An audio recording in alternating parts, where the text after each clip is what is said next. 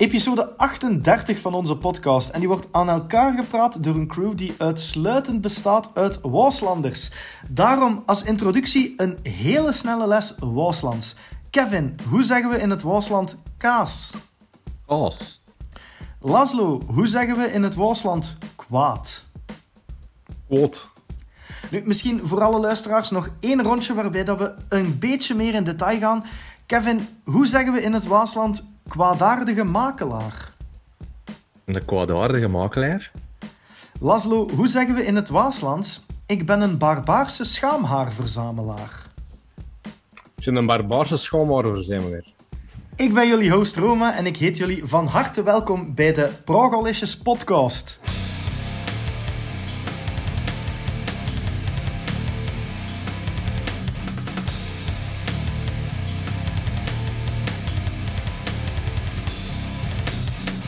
Zoals altijd beginnen wij met de aperitiefjes en deze keer hebben wij iets schokkerends, Laszlo, wat dat wij aan het licht hebben gebracht. Wij niet alleen, maar wij mede. Ja. ehm eigenlijk een, beetje de volgende pagina in de, de sage rond ehm, Microsoft Activision Blizzard wilt overnemen. Ehm, daar is Sony eh, in Brazilië uh, tegenin gegaan. Die hebben gezegd, "Mm, oneerlijke concurrentie, we zien dat niet zitten. Ehm, en ze hadden daar allerlei redenen voor. Call of Duty zou een te grote reeks zijn. Ehm, ze zouden een te groot marktaandeel krijgen. Ja, ja, dat de typische dingen. En Microsoft had daar een ehm, mooi weerwoord op geformuleerd. Eh, ze hadden onder andere gezegd dat Call of Duty eigenlijk niet zo groot is als dat Sony doet uitschijnen. En dat Sony heel hun businessstrategie heeft eh, opgebouwd rond het exclusieve games. Dus dat ze nu niet moeten afkomen met. Ja, maar jullie hebben dan veel grotere exclusieve games. Dus ehm, oh ja, ik kan eh, de reactie van Microsoft wel begrijpen. Maar in dat hele document uh, stond er wel één heel opmerkelijk ding. Een, een aantijging die, voor zover ik weet, nog altijd niet bevestigd is. Maar ehm, Microsoft beweert dat Sony game developers zou betalen om hun spel niet op Game Pass beschikbaar te stellen. Wat dat dus wil zeggen dat hetgene wat, wat veel mensen ja, al, al een tijd vermoeden dat Game Pass, dat, dat businessmodel, dat dat de toekomst is en dat daar veel, eh, veel potentieel in zit. Ja, dat zou wel bevestigen dat Sony dat eigenlijk ook in ziet en beseft van shit, ehm, wij zijn daar niet mee afgekomen en nu gaan wij eh, ja, onze leidersrol verliezen aan Microsoft. Ik heb daar iets aan toe te voegen, jongens. Heet van den Alt. Mijn excuses, maar het was eigenlijk stiekem ik die iedereen betaalde om hun games niet meer op Game Pass te brengen. Ik wist het! Nee, Laszlo, ehm, als dit waar zou blijken te zijn, is dat dan volgens u iets wat dat Sony mag doen? Of is dat iets waartegen dat, ja, straffen moeten worden ondernomen? Um, ja, ik vind het een beetje ironisch als je een, een partij aanklaagt voor oneerlijke concurrentie, um, dat je dan zo van die zaken zelf begint te doen. Um, ik, vind, ik vind dat niet oké. Uh, als zij willen dat developers naar hun komen, moeten zij maar een beter alternatief voorzien. En dan, dan zullen zij wel afkomen. Ik, uh, ik geloof heel sterk in het uh, gelijke speelveldverhaal, waarin iedere partij kan doen wat hij wil om de bovenhand te halen, zolang als het uh, legaal blijft. En ik vind, uh, ja, studio's gaan omkopen, bij wijze van spreken, ben ik al op het randje van eigenlijk zelfs niet meer echt legaal. En, en het, het, grappige is dat, dat PlayStation nu een, een eigen soort uh, Game Pass heeft, hè, met een PlayStation Plus Extra en, en, en Premium. En, ja, dat zijn de twee, want ik vind het altijd ingewikkeld. Maar dat ze nu eigenlijk op poten hebben gezet, maar bon. Maar ze hebben het nu een beetje zelf. En, en, Stray is bijvoorbeeld ook uh, dan uh, exclusief op, op PlayStation-platformen en PC. Maar het zit dan ook in die extra. Dus ja, op zich is dat ook het, de game van het moment. Jullie hebben er uh, twee weken geleden uitge uitgebreid over gehad. Dan zou Microsoft ook van kunnen zeggen van ja, maar wij willen die game ook. Maar ja, die... Dus misschien is dat wel een stukje het gevolg geweest van wat dat PlayStation in, in het verleden heeft betaald of opgekocht. Of... omkopingsgeld heeft betaald aan ontwikkelaars. Maar uiteindelijk is dat iets van alle tijden, hè. Exclusieve, eh, exclusieve games op platformen. Ja, dat bestaat al jaren en tientallen jaren. Dus ik, ik, vind het een beetje klein, kleinzerig van Sony om nu zo van te doen uh, op Microsoft. En bovendien, wat ik daar nog eigenlijk het meest hypocriet vind, hè, en dat heeft Microsoft ook gezegd, is van ja, maar Call of Duty, hè, Sony allemaal goed en wel. Maar we hebben eigenlijk van in het begin gezegd van ja, we gaan wij dat uh, op alle platformen laten draaien, want het heeft zo'n grote fanbase, zo'n grote installbase. We gaan we dat op PlayStation laten, laten, laten blijven uitkomen. Dus dat, argument viel ook al weg, vind ik, voor Sony. Kevin, het moment waarover dat jij het even wilt hebben, gaat over de schoonste stemmen van de paddock. Ja, absoluut. Over uh, Crofty, de, de bekende Formule 1-presentator van Sky Sports. Um, ja, ik, ik, ik, ik denk dat we hier met, met drie Formule 1-liefhebbers uh, uh, rond de tafel zitten. Dus dat is eigenlijk wel, uh, wel goed meegenomen. Um, dus kenners aan tafel. Waaslanders en Formule 1-liefhebbers. Kijk, oh, er zijn meer en meer Anne dingen aan ons binden. Cream of the crop. Oh, nee. dus we hebben al jaren de Formule 1-games van Codemasters en EA ondertussen. Um, en dit jaar, um, eigenlijk deze maand, nog in augustus, gaat er uh, een nieuwe Formule 1 game komen. Er gaat een F1 Manager gaat op de markt komen. En um, die wordt ontwikkeld door de mannen van Frontier. Dat zijn de die van Planet Coaster en Planet Zoo. En van die Jurassic uh, World games ook. En ik, ik, ik, ze hebben nu een, een, een tweetal of drietal uh, developer diaries uitgegeven. En ik ben er van, zwaar van onder de indruk hoeveel liefde en detail dat die mannen in die game aansteken zijn. Bijvoorbeeld nu in de laatste Developer Diary zie je van hoe dat die met de audio omgaan. Dus die, die hebben honderden uren aan audio gekregen of gekocht van Formule 1. En die gaan dus eigenlijk alle, ook bijvoorbeeld de, de, de boordradio's, dus de gesprekken tussen de coureurs tijdens het rijden en hun engineers, gaan die allemaal verknippen Zodanig dat je eigenlijk in de game, als waarbij dat je dus de manager bent van een Formule 1-team, dat je dus effectief de, de, de echte stemmen van de Formule 1-rijders gaat horen in de game. Dus als jij dus bijvoorbeeld een slechte bandenkeuze maakt, uh, terwijl iedereen op softs en mediums aan het rijden bent, en als Ferrari-baas beslist je van, ah nee, ik kan hen allemaal op harde banden zetten, ja, dan gaan dus ook die rijders horen reclameren in een auto tegen u. En dat vind ik een, een, eigenlijk een heel straf ding. Dat in eigenlijk gewoon een management game gaat zitten. En in iets dat eigenlijk al jaren in een Codemasters game had moeten zitten, die miljoenen en miljoenen meer geld hebben. Um, ook, en, niet alleen een audio, maar ook bijvoorbeeld de, de, de rijders, de gezichten van de rijders zijn allemaal één voor één ingescand als je dat dan gaat vergelijken met de Formule 1 games van Codemasters, ja, daar gaat er van lopen. Hè, als je die gezichten ziet op het podium, als je gewonnen hebt of tweede zijt. Misschien een pro-tip dan voor mensen die F1 Manager willen spelen, maar eigenlijk niks van Formule 1 kennen. Als je dan toch constant fouten gaat liggen maken, kies dan voor een carrière bij Ferrari, dan is het wel nog realistisch. Voilà, is dat. Mooi. Ja, ik, ik heb de video ook bekeken en hetgene dat mij ook opviel was... Um, ja, je hoort dan zo soms fragmenten van in de, de cockpit van een auto mhm. zelf. En um, ja, vergeleken met, eh, met de fragmenten dat ik dan gehoord heb, toch, vergeleken mhm. daarmee zijn, zijn de, de engine sounds van Codemasters, dat is, dat is precies precies grasmachines. Hè? Ja. Dat is echt uh, ongelooflijk hoe, hoe realistisch die game klinkt. En dan vraagt je je af, ja, hoe kan dat dat die dat wel? Ja, waarom doet hij dat wel? Uh, ja, voilà. Want het, het, het, hetgeen dat ik ook heel van, van geschrokken was, dat ze zeiden van, kijk, wij gebruiken ook de, de, de microfoons langs de baan om zo eigenlijk de verschillende engine sounds te krijgen. Van of dat je nu de bocht goed aansnijdt, of dat je eigenlijk een bocht hebt in een circuit op een stratencircuit klinkt dat anders dan dat je dat op Silverstone hebt. En dat je dus eigenlijk ook afhankelijk van het camerastandpunt andere audio gaat doorgestuurd krijgen of te horen gaat krijgen als dat je bijvoorbeeld in de cockpit gaat zitten. En ja, dat is echt... Ja, dat, ik, had, ik, had het, ik had het effectief zo begrepen dat, um, dat ze echt voor specifieke bochten ook echt mm -hmm. andere sounds ja.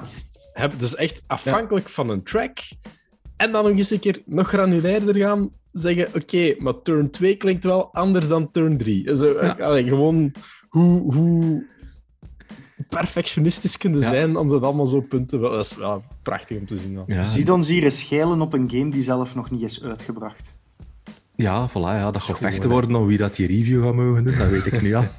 We gaan bladschaar spelen straks. eh. Dat, Nu, nee, maar bladsta- het is- Bladschaar steen. Bladsteen schaar. Bladsteen schaar, ja, Bladsteen hetzelfde. Ah, Bladsteen schaar, ja. Kevin. Ik, ben blij, ik ben blij dat je niet papier hebt gezegd. Dat is al goed. Ja, voilà. Was het dankzij al die Hollandse televisieseries dat ik naar moeten kijken heb toen mijn kinderen klein waren. Het moment waar ik het even over wil hebben, is over alle informatie die EA aan het lossen is over de jaarlijkse voetbalgame, FIFA, FIFA 23. De laatste FIFA normaal gezien, die we toch zeker in aanzienlijke tijd gaan krijgen, vooraleer dat het wordt omgedoopt tot EA Sports FC. Ik heb al heel veel dingen gezien waarvan dat ik denk van, dat is weer van hetzelfde laken een broek. Dan denk ik aan Hypermotion 2, dan denk ik aan de jaarlijkse barrage aan filmpjes waarbij dat je niet zeggende skill moves ziet en wat pijltjes op een scherm die in alle richtingen worden getrokken, die ons moeten doen geloven dat er weer 4000 nieuwe animaties zijn die je dan ooit eens één keer in de game gaat zien. Enfin, ik ben heel sceptisch tegenover FIFA 23. Ik ben benieuwd naar het eindresultaat, maar ik ben wel blij dat het er toch naar uitziet dat career mode een beetje onder handen wordt genomen. En vooral dat er een functie bij komt die ik zelf al jaren wou. En dat is dat je niet enkel zelf een manager kunt zijn, maar dat je ook in de huid van een andere manager kunt kruipen. Dat je Jurgen Klopp of Steven Gerrard kunt zijn. En dat je zelf nachtmerries tot leven kunt laten komen door bijvoorbeeld Gerrard coach te maken van Everton of Klopp naar Manchester United te halen, zo van die dingen. Of hem natuurlijk ja, terug naar Dortmund te brengen of zoiets. Dat ziet er mij leuk uit en ik hoop dat dat mooi uitgewerkt gaat zijn. Maar gelijk bij alles, eh, bij EA en bij FIFA, ja, moeten toch wel sceptisch blijven. Want voor hetzelfde geld is het, zoals de revolutiona- revolutionaire interviews van een paar jaar geleden, is het iets dat je na tien minuten beu zit en dat eigenlijk totaal niet diepgaand is uitgewerkt. Nee, ik heb dat gevoel een beetje met... ehm, want er gaat blijkbaar ook een soort analist in, de- in de game zitten die commentaren gaat geven op van... Ja, ehm, die, die transfer dat je gedaan hebt, ja, dat gaat goed zijn voor het team of dat gaat juist slecht zijn voor het team. En ja, die speler hebben verkocht, dus ja, je gaat wel andere spelers moeten gaan aankopen of die persoon in je team gaat die plek kunnen inpakken. Ik vraag me af in hoeverre dat, dat eh, gaat aansluiten bij de werkelijkheid, want meestal ook like met die interviews, nou, dat sloeg echt nergens op. Hè. Dan had hij zo 27-0 gewonnen. Ja, het was toch een moeilijke wedstrijd vandaag.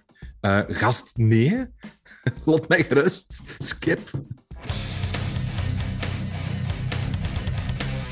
Stel je voor, je bereidt een heist voor in GTA Online. Je verzamelt al het nodige geld, je koopt een ideale loadout en je hele crew brengt samen alle verplichte en optionele prep missions tot een goed eind. De finale heist die duurt enorm lang, maar alles gaat super vlot en het ziet er nog uit dat er niks anders dan een happy end zit aan te komen. En dan, net voordat je aan de haal gaat met de grote prijs, dan belt de grote criminelenbaas. Ah jongens, het is niet meer nodig. We gaan het toch niet doen. Maar merci voor alle moeite en wie weet tot in de toekomst. Dat is ongeveer wat ons Belgisch regisseursduo Adil El Arbi en Bilal Fallah hebben meegemaakt met hun film Bad Girl. Het filmproces was begin dit jaar volledig afgerond, de afwerkingsfase was volop onderweg en nu beslist Warner Bros. plotsklaps om de stekker volledig uit de film te trekken.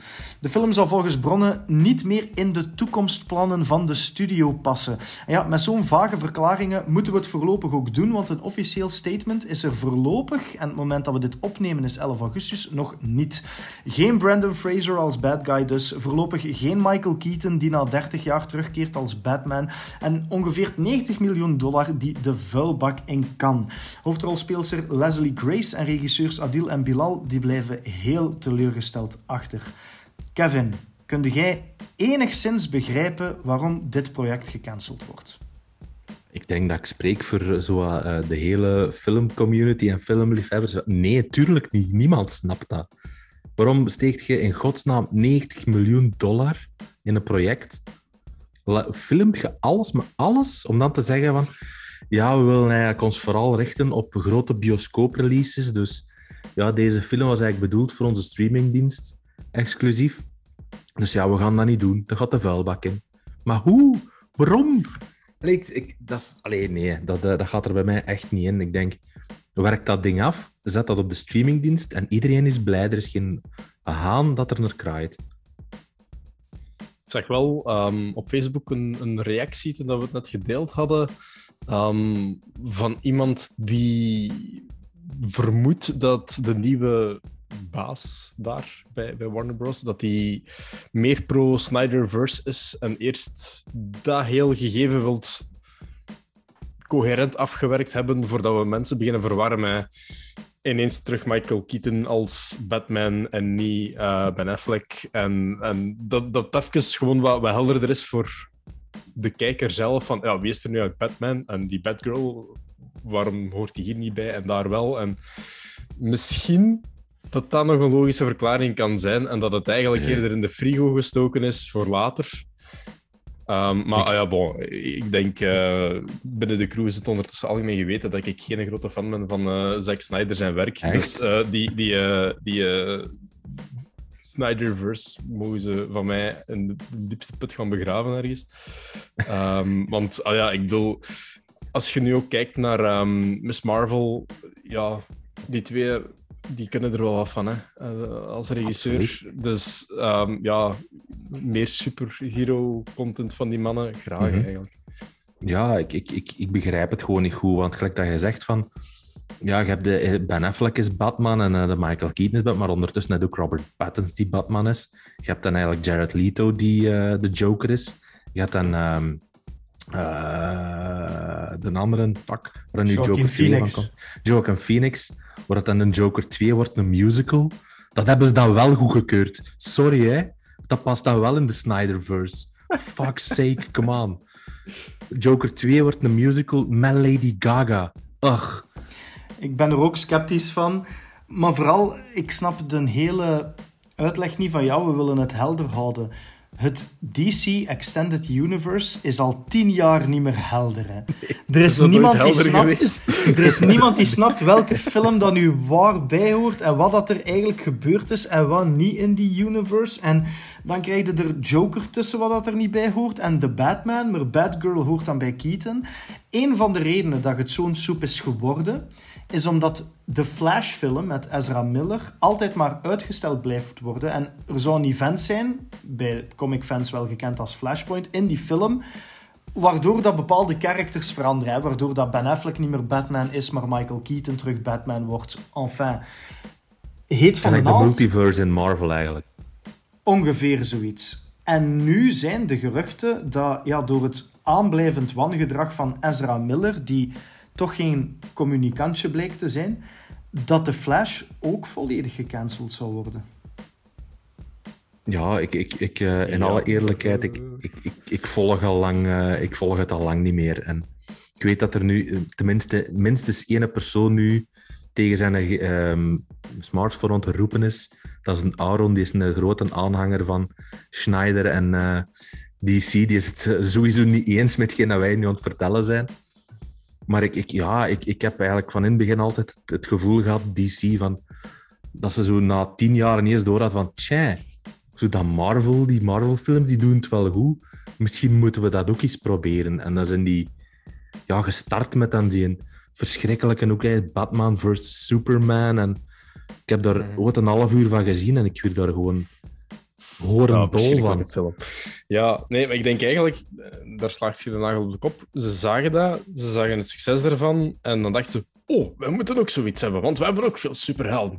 Mhm. Maar die, ik, ja, naar mijn mening, DC-films hebben altijd het best gewerkt als die echt op zich stonden. Gelijk de, de Dark Knight-trilogie. Ja. Ik vind dat nog altijd uh, beste superhero-films die dat ik al gezien heb. Mhm. Um, en, en dat was gewoon sterk, omdat dat, dat, was coherent. En je wist van alles en in ieder personage dat, dat daarin voorkomt, die past binnen die trilogie, maar dat past niet binnen de Batman-films van hiervoor en de Batman-films die hierna komen. Je weet van, oké, okay, die drie films, die horen bij elkaar. Mhm. Je kunt dat gemakkelijk volgen. Je weet van, ah ja, dat is de Joker, dat is Bane. Oké, okay, ja, goed. Drie films, we zijn ermee klaar. En, en, en we zijn, Mhm. we zijn rond. Maar om dan ineens ook zo een connected universe en zo helemaal uitgebreid te gaan met, ah, we gaan er nog een introduceren en dan, oh, ja nee, doe gewoon niet. Je moet niet Marvel nadoen, het bestaat al. DC probeert natuurlijk ook op de kaart te spelen van het jeugdsentiment door Michael Keaton ja, nu in een heel stuntelige comeback te brengen als Batman. Maar er zijn ook stemmen die zoiets hebben van, ja, is dat wel nodig? Laten we Keaton niet gewoon beter in de eer van hij is het geweest en respecteert dat? Is eigenlijk zo wat dezelfde vibe als bij een remaster of een remake. Kevin, wilt jij Michael Keaton terug als Batman zien of niet? Eh, nee, want die was de Vulture al in eh, Spider-Man. Eh, dus, allee, dus dat is dat al afgesloten. Maar nee, ja, ik denk, nogmaals, ik denk, ik, ik, ik heb echt een gevoel bij DC van dat die heel graag kopiëren van Marvel. En ik weet dat ik heel veel mensen ja, ehm, in een frak jaag als ik dat zeg. Maar ja, allee, het, het terugbrengen van oude, van, van, van oude personages van vroeger. Ja, we hebben het gezien in Spider-Man No Way Home ook. Hè. En dat werkte geweldig goed hè, met, de, met de spoiler, de, de, de, de twee andere Spider-Man doen daar ook in mee. Maar daarover hoefde niet nog een, een oude Batman terug te halen of, of het een of het ander. Allee, ik, ik, nee, ik, ik word er niet warm van. Voor mij is Batman zo'n beetje gelijk James Bond. Dus van, Mhm. Je hebt Ja. verschillende acteurs die dat die rol spelen en die moet je Ja. niet terughalen, want die, die glans is er ook af. Al ja, je weet van... Die hebben een piek in hun carrière waarop dat ze dat personage kunnen spelen Voilà. en daarna zijn die te oud of zo. Is Ah bon. anders? Je hebt, je hebt natuurlijk wel, wel eh, story arcs binnen, binnen de comics waar dat je een oudere Mhm. Batman hebt. Oké, ça va, daar kan ik nog wel in komen, maar ja, het wordt op een heel warrige manier gebracht. En effectief, in, in ehm, No Way Home werkte dat. Ook omdat je met dat hele multiverse-concept speelde. En, en dan kun je dat ook beter plaatsen. Maar ja, ik denk, het is... Hoezeer dat ik zijn films niet goed vind, Zack Snyder had wel een visie voor die films die Mhm. niet, niet parallel liep met de visie dat voor Marvel werd gebruikt. En als ze dat hadden vastgehouden, dan hadden ze op zijn minst nog wel een coherent geheel gehad. Het had Mhm. een heel saai en, en totaal niet, niet leuk geheel geweest, naar mijn mening. Maar Trigger het had wel, het had wel een, een, een totaalpakket geweest dat je zegt: oké, dat hangt aan elkaar. En, en nu kunnen we terug weer naar iets anders dat, dat aan elkaar hangt. Ja. Maar ja, ze, ze moesten dan opeens, hè, want dan, eh, ik denk Joss Whedon, of, of weet hem daar, eh, die ehm, Avengers ook eh, geregisseerd heeft, heeft dan Hmm. eh, Justice League overgepakt. En die heeft daar dan een Marvel-film van proberen maken, basically. En dat is hem totaal niet gelukt. Eh, en ja, pff, ja, oh. Ja, Justice League was echt een mislukking. eh, en voor mij ja, een van de slechtste superhelden, misschien slechtste ooit, behoort jammer genoeg ook tot dit DCEU, namelijk Wonder Woman 1984. Vond ik verschrikkelijk.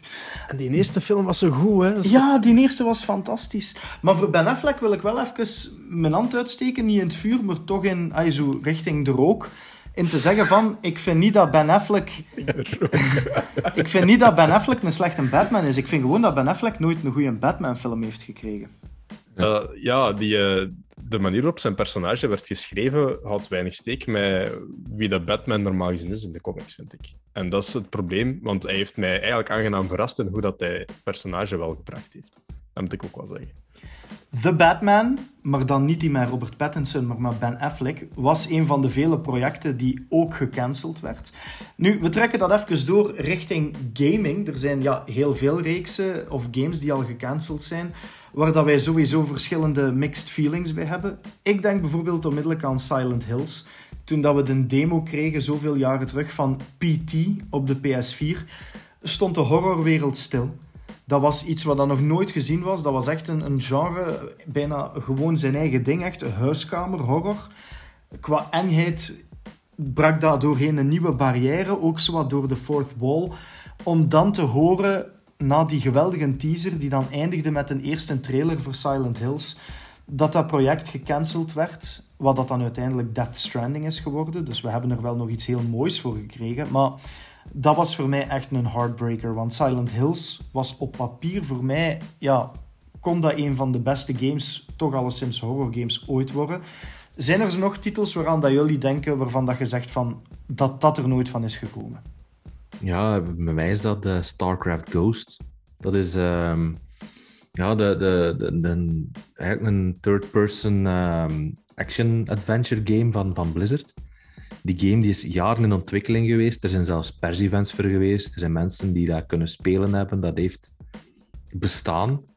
En op een gegeven moment heeft Blizzard gezegd van... Ah, ja, het voldoet toch niet 100% aan hetgeen waar we denken. En uh, we gaan gewoon de stekker eruit trekken. En uh, er zijn denk ik fans tot op de dag van vandaag die hopen dat het spel er toch nog ooit eens gaat komen. Ik denk het niet. Ik denk dat we daar een, stuk, uh, stukje Overwatch, dat daar stukken zijn van, van gebruikt. Maar um, dat vind ik wel een van de, de, de grote teleurstellingen, dat die eigenlijk gecanceld is. Het gebeurt zelden dat je kunt zeggen dat een game twee keer gecanceld is, maar met degene die ik jammer vind, kan dat wel. Namelijk Star Wars Battlefront 3. Een geweldige IP, Star Wars Battlefront. Op PS2 kregen we geweldige games daarvan, delen 1 en 2. 3 was in ontwikkeling en is dan gecanceld geraakt. Er is ook gameplay die achteraf van beschikbaar werd en de ideeën. Altijd om het nog een beetje pijnlijker te maken. Hè, zo met een vork in de wonden zitten van... We kunnen nu wel zeggen wat dat je... Uit, ja, we kunnen nu zeggen wat dat je ging krijgen en wat dat je niet gekregen hebt. Dat zijn gelijk foto's van cadeaus op kerstmis die je net niet gekregen hebt, want geld was op of zoiets. Enfin. En dan, ja, nu met de recente reeks op PS4 hebben ze bij Battlefront 3 toch tot de constatatie komen van, goh, misschien is er al genoeg haat rond de microtransacties.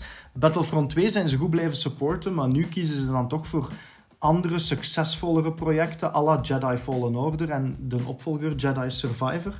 À la um, die interactive game die eraan komt, hoe heet het? Um, Eclipse. Eclipse, ja, Eclipse. En het ziet er weer naar uit dat Battlefront 3, grappig genoeg, voor de tweede keer het slachtoffer gaat worden van dat alles. Dus het is gek hoe dat je twee keer zo'n succesvolle IP net niet tot een trilogie kunt brengen. Laszlo, zijn er nog games waarbij dat jij zegt van My Heart, My Soul?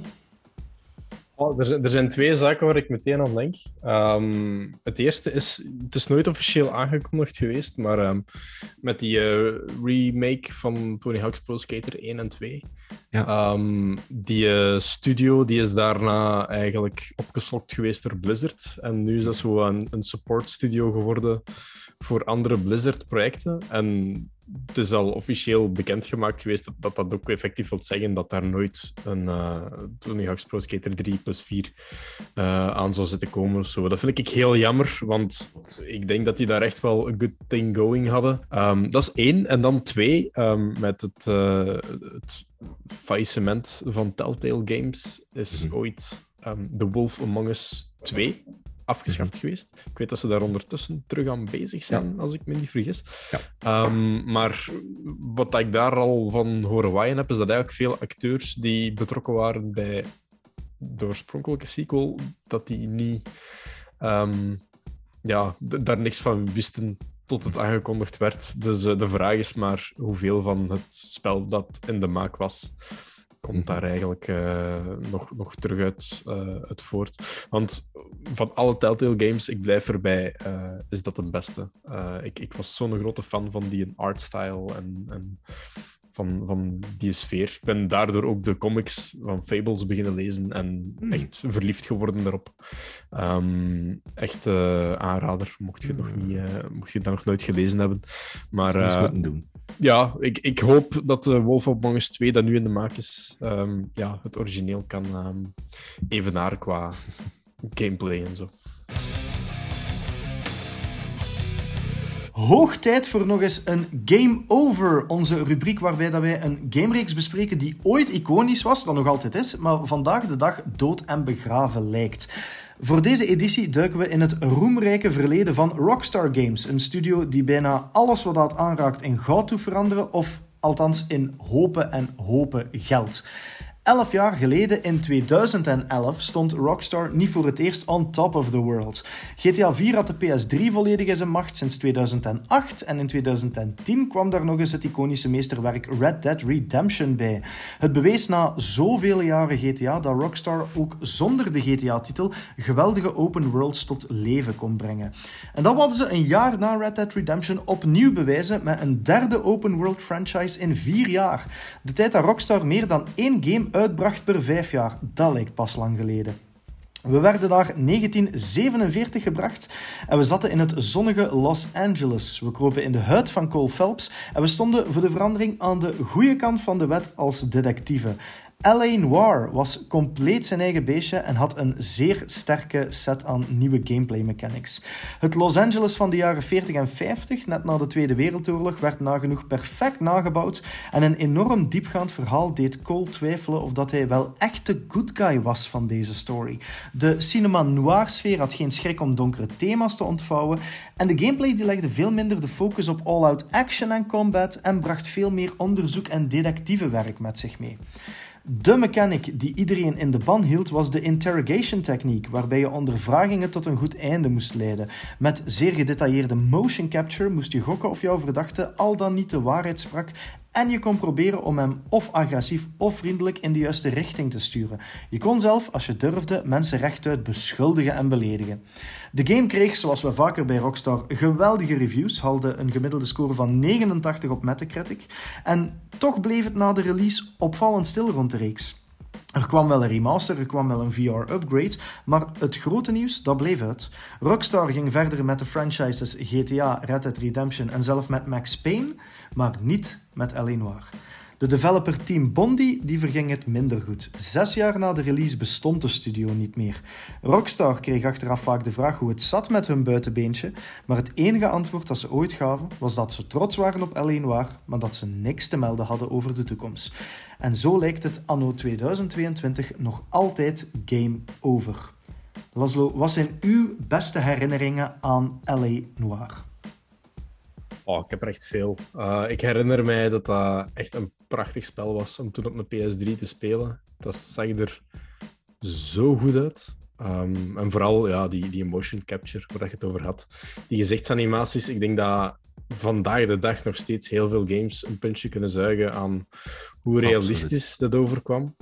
Um, je moet ook niet vergeten, dat is de periode waarin Madman nog, um, nog lopende was, de tv-reeks mhm. van HBO. En um, ja, het hoofdpersonage, uh, Cole Phelps, werd dan vertolkt door Aaron Statham. Statham, ik weet niet of ik het goed uitspreek. Statham. Of Statham. Statham. Aaron Statham. Statham. We zijn in Duitsland bij Stolten. Aaron Stolt. Uh,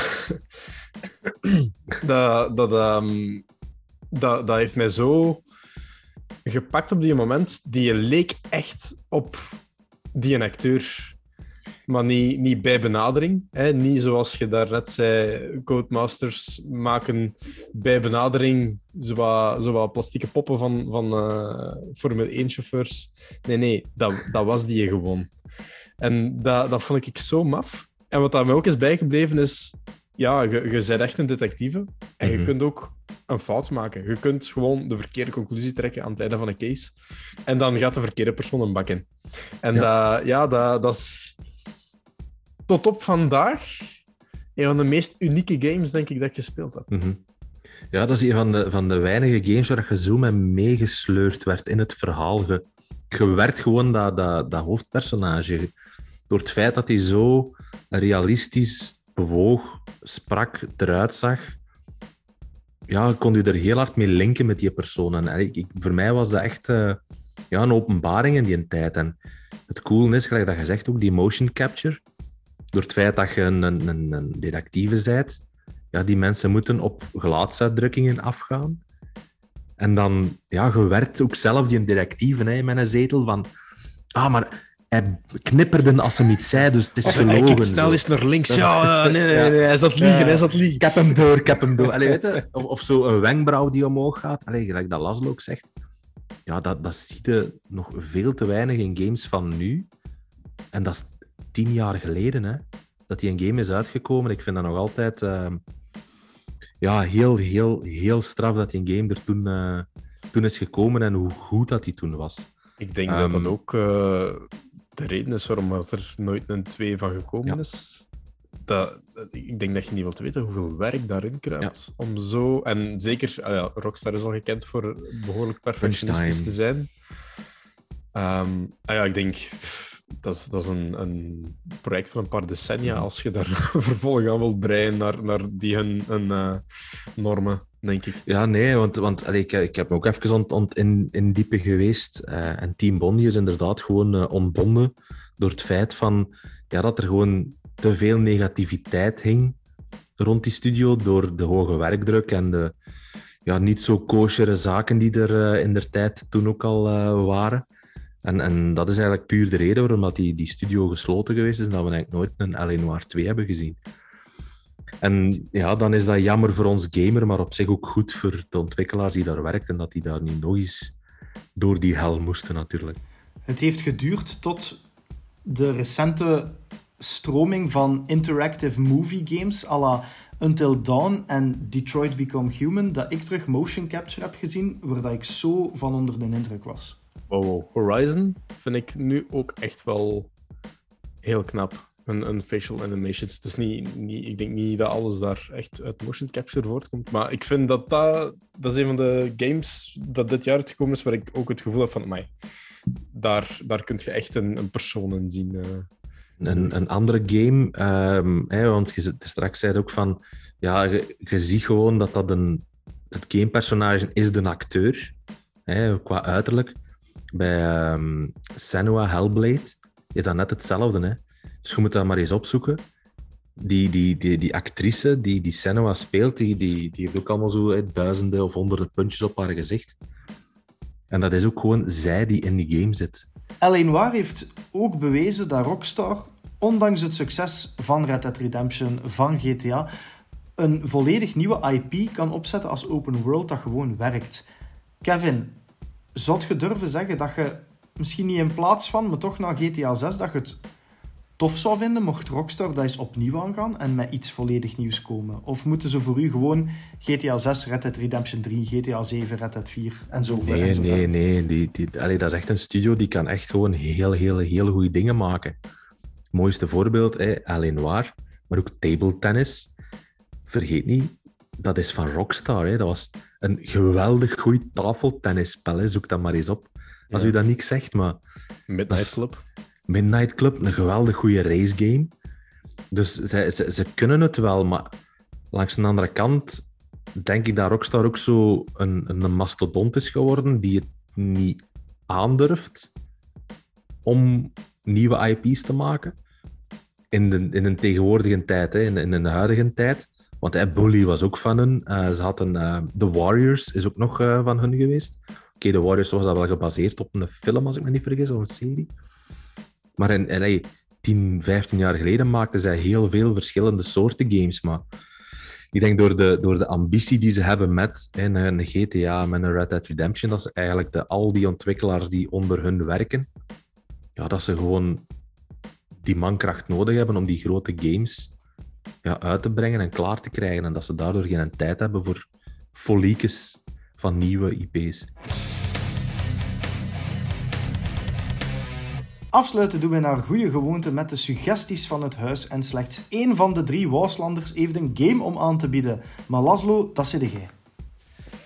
Zeker en vast. Mij kunt je de laatste tijd terugvinden op de de Woeste Zee van Sea of Thieves. Dat is um, een spel dat ik vier jaar geleden ooit voor een andere gaming website, uh, u allen wel bekend, uh, gereviewd heb. En daar Nine Lives, zeg het maar. Nine Lives. Nee, levens. Nee, levens. Het zijn er nu minder. Um, en toen was mijn conclusie van... Tof spel, heel leuk, maar heel repetitief. En, en je hebt het erop allemaal gezien. En um, tot grote credit aan de developer zelf, Rare. Um, wat dat, ah ja, ook iconische developer. Dus mm -hmm. als iemand het goed kan, uh, zoiets kan rechttrekken, dan zij zij het wel. Um, ja, they just stuck with it. En nu, vier jaar later, is daar zoveel meer in te doen. Je hebt Tall Tales dat, dat u over heel de map brengen, waar dat je geheimen ontdekt. Um, je hebt world events waar je naartoe kunt gaan, die dat, die dat machtig zijn. Um, je hebt ja, een hele grote PvP uh, in het spel. Um, ah ja, bon, er is altijd wel iets te doen. En daarom heb ik besloten met het uh, nieuwe seizoen dat vorige week live gegaan is, seizoen 7, um, waar je ook effectief zelf een schip kunt kopen. Want hiervoor had je iedere keer als je inlogde een nieuw schip dat je moest beschermen en ja, ja.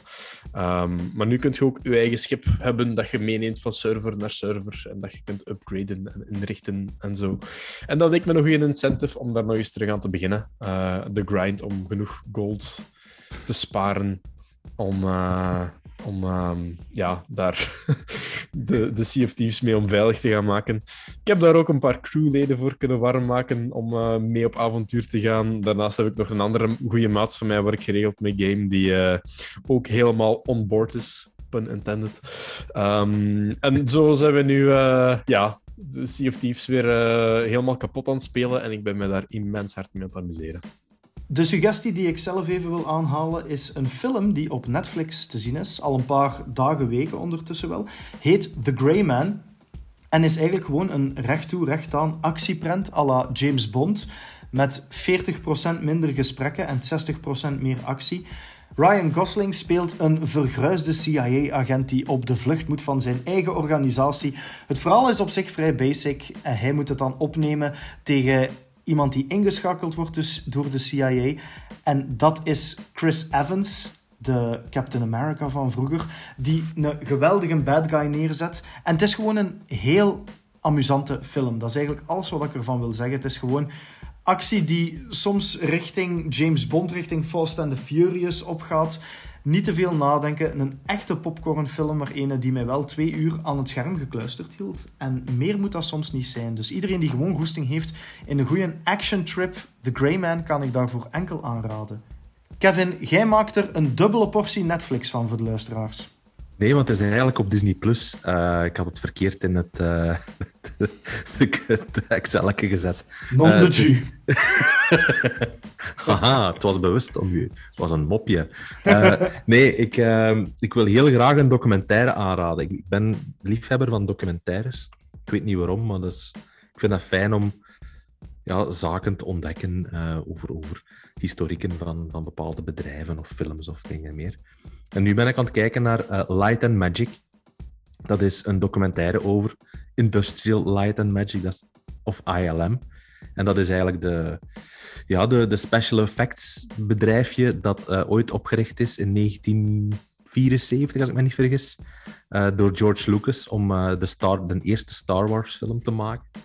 En um, ja, dat is ondertussen uitgeroeid tot een mastodont van special effects en een pionier in van alles en nog wat. Die doen special effects van Transformers, van Marvel, van Jurassic Park hebben zij special effects verzorgd. En het gaat eigenlijk over het ontstaan van dat dat eigenlijk gewoon ja, mensen waren die eigenlijk nergens zich goed voelden. Overal wel een beetje in wat aanmodderden en, en heel goed waren in hun eigen ding, maar daar eigenlijk niet mee, mee te koop liepen. En George Lucas had in der tijd een bepaalde persoon aangenomen, John Dijkstra. En die kenden dan weer iemand die iets anders goed kon, en die kende iemand anders. En zo is eigenlijk een heel team opgebouwd, die er eigenlijk uh, ja, de, de special effects wereld op zijn kop hebben gezet met uh, Star Wars in 1977. Dus het zijn uh, een zestal afleveringen van een uurtje. Dus je zet er wel even mee bezig. Maar als je fan bent van, van dat soort documentaires en nieuwsgierig bent in de geschiedenis van ILM, Industrial Light and Magic, dan moet je, moet je dat zeker kijken. Onze Light and Magic is voor deze episode weer al afgelopen. Jullie kunnen ons volgen via Facebook, via Instagram, via TikTok. Jullie kunnen de podcast beluisteren op Spotify, op Apple Music. En jullie kunnen natuurlijk voor al het gaming lekkers terecht op pragalicious.com. Wij zien jullie graag terug binnen iets meer dan twee weken voor een heel specifieke reden. Namelijk dat Gamescom eraan zit te komen. En wij met Pragalicious, wij gaan in de flash aanwezig zijn in Keulen. Meer bepaald ik, om ja, al het nieuwe mee te nemen. Interviews, reviews, previews, hands-ons, alles wat je je kan inbeelden. We gaan ervoor zorgen dat al dat nieuws op de website terechtkomt. En dat willen we natuurlijk ook allemaal meenemen in onze podcast. Die gaan we dus na Gamescom opnemen en dus iets later dan de normale barrière van twee weken zal die op de website verschijnen. Maar extra dik gevuld. Heel graag tot dan. Ciao.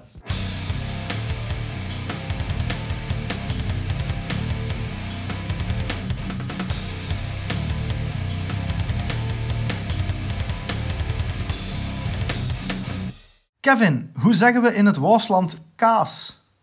Kaas. Zeggen we niet koos? Zeggen we kaas? Kaas. Kaas. Is er hier onmiddellijk oneenigheid tussen de Waaslanders? Wacht, Yes. waar het Waasland komt, jij? Ik, zeg- kaas? Ja, kaas ook. Ja, kaas, kaas. Kaas toch? Kaas, ja. kaas? Kaas, ja. Oké. Eigenlijk kaas, ja. We moeten dat opnieuw doen.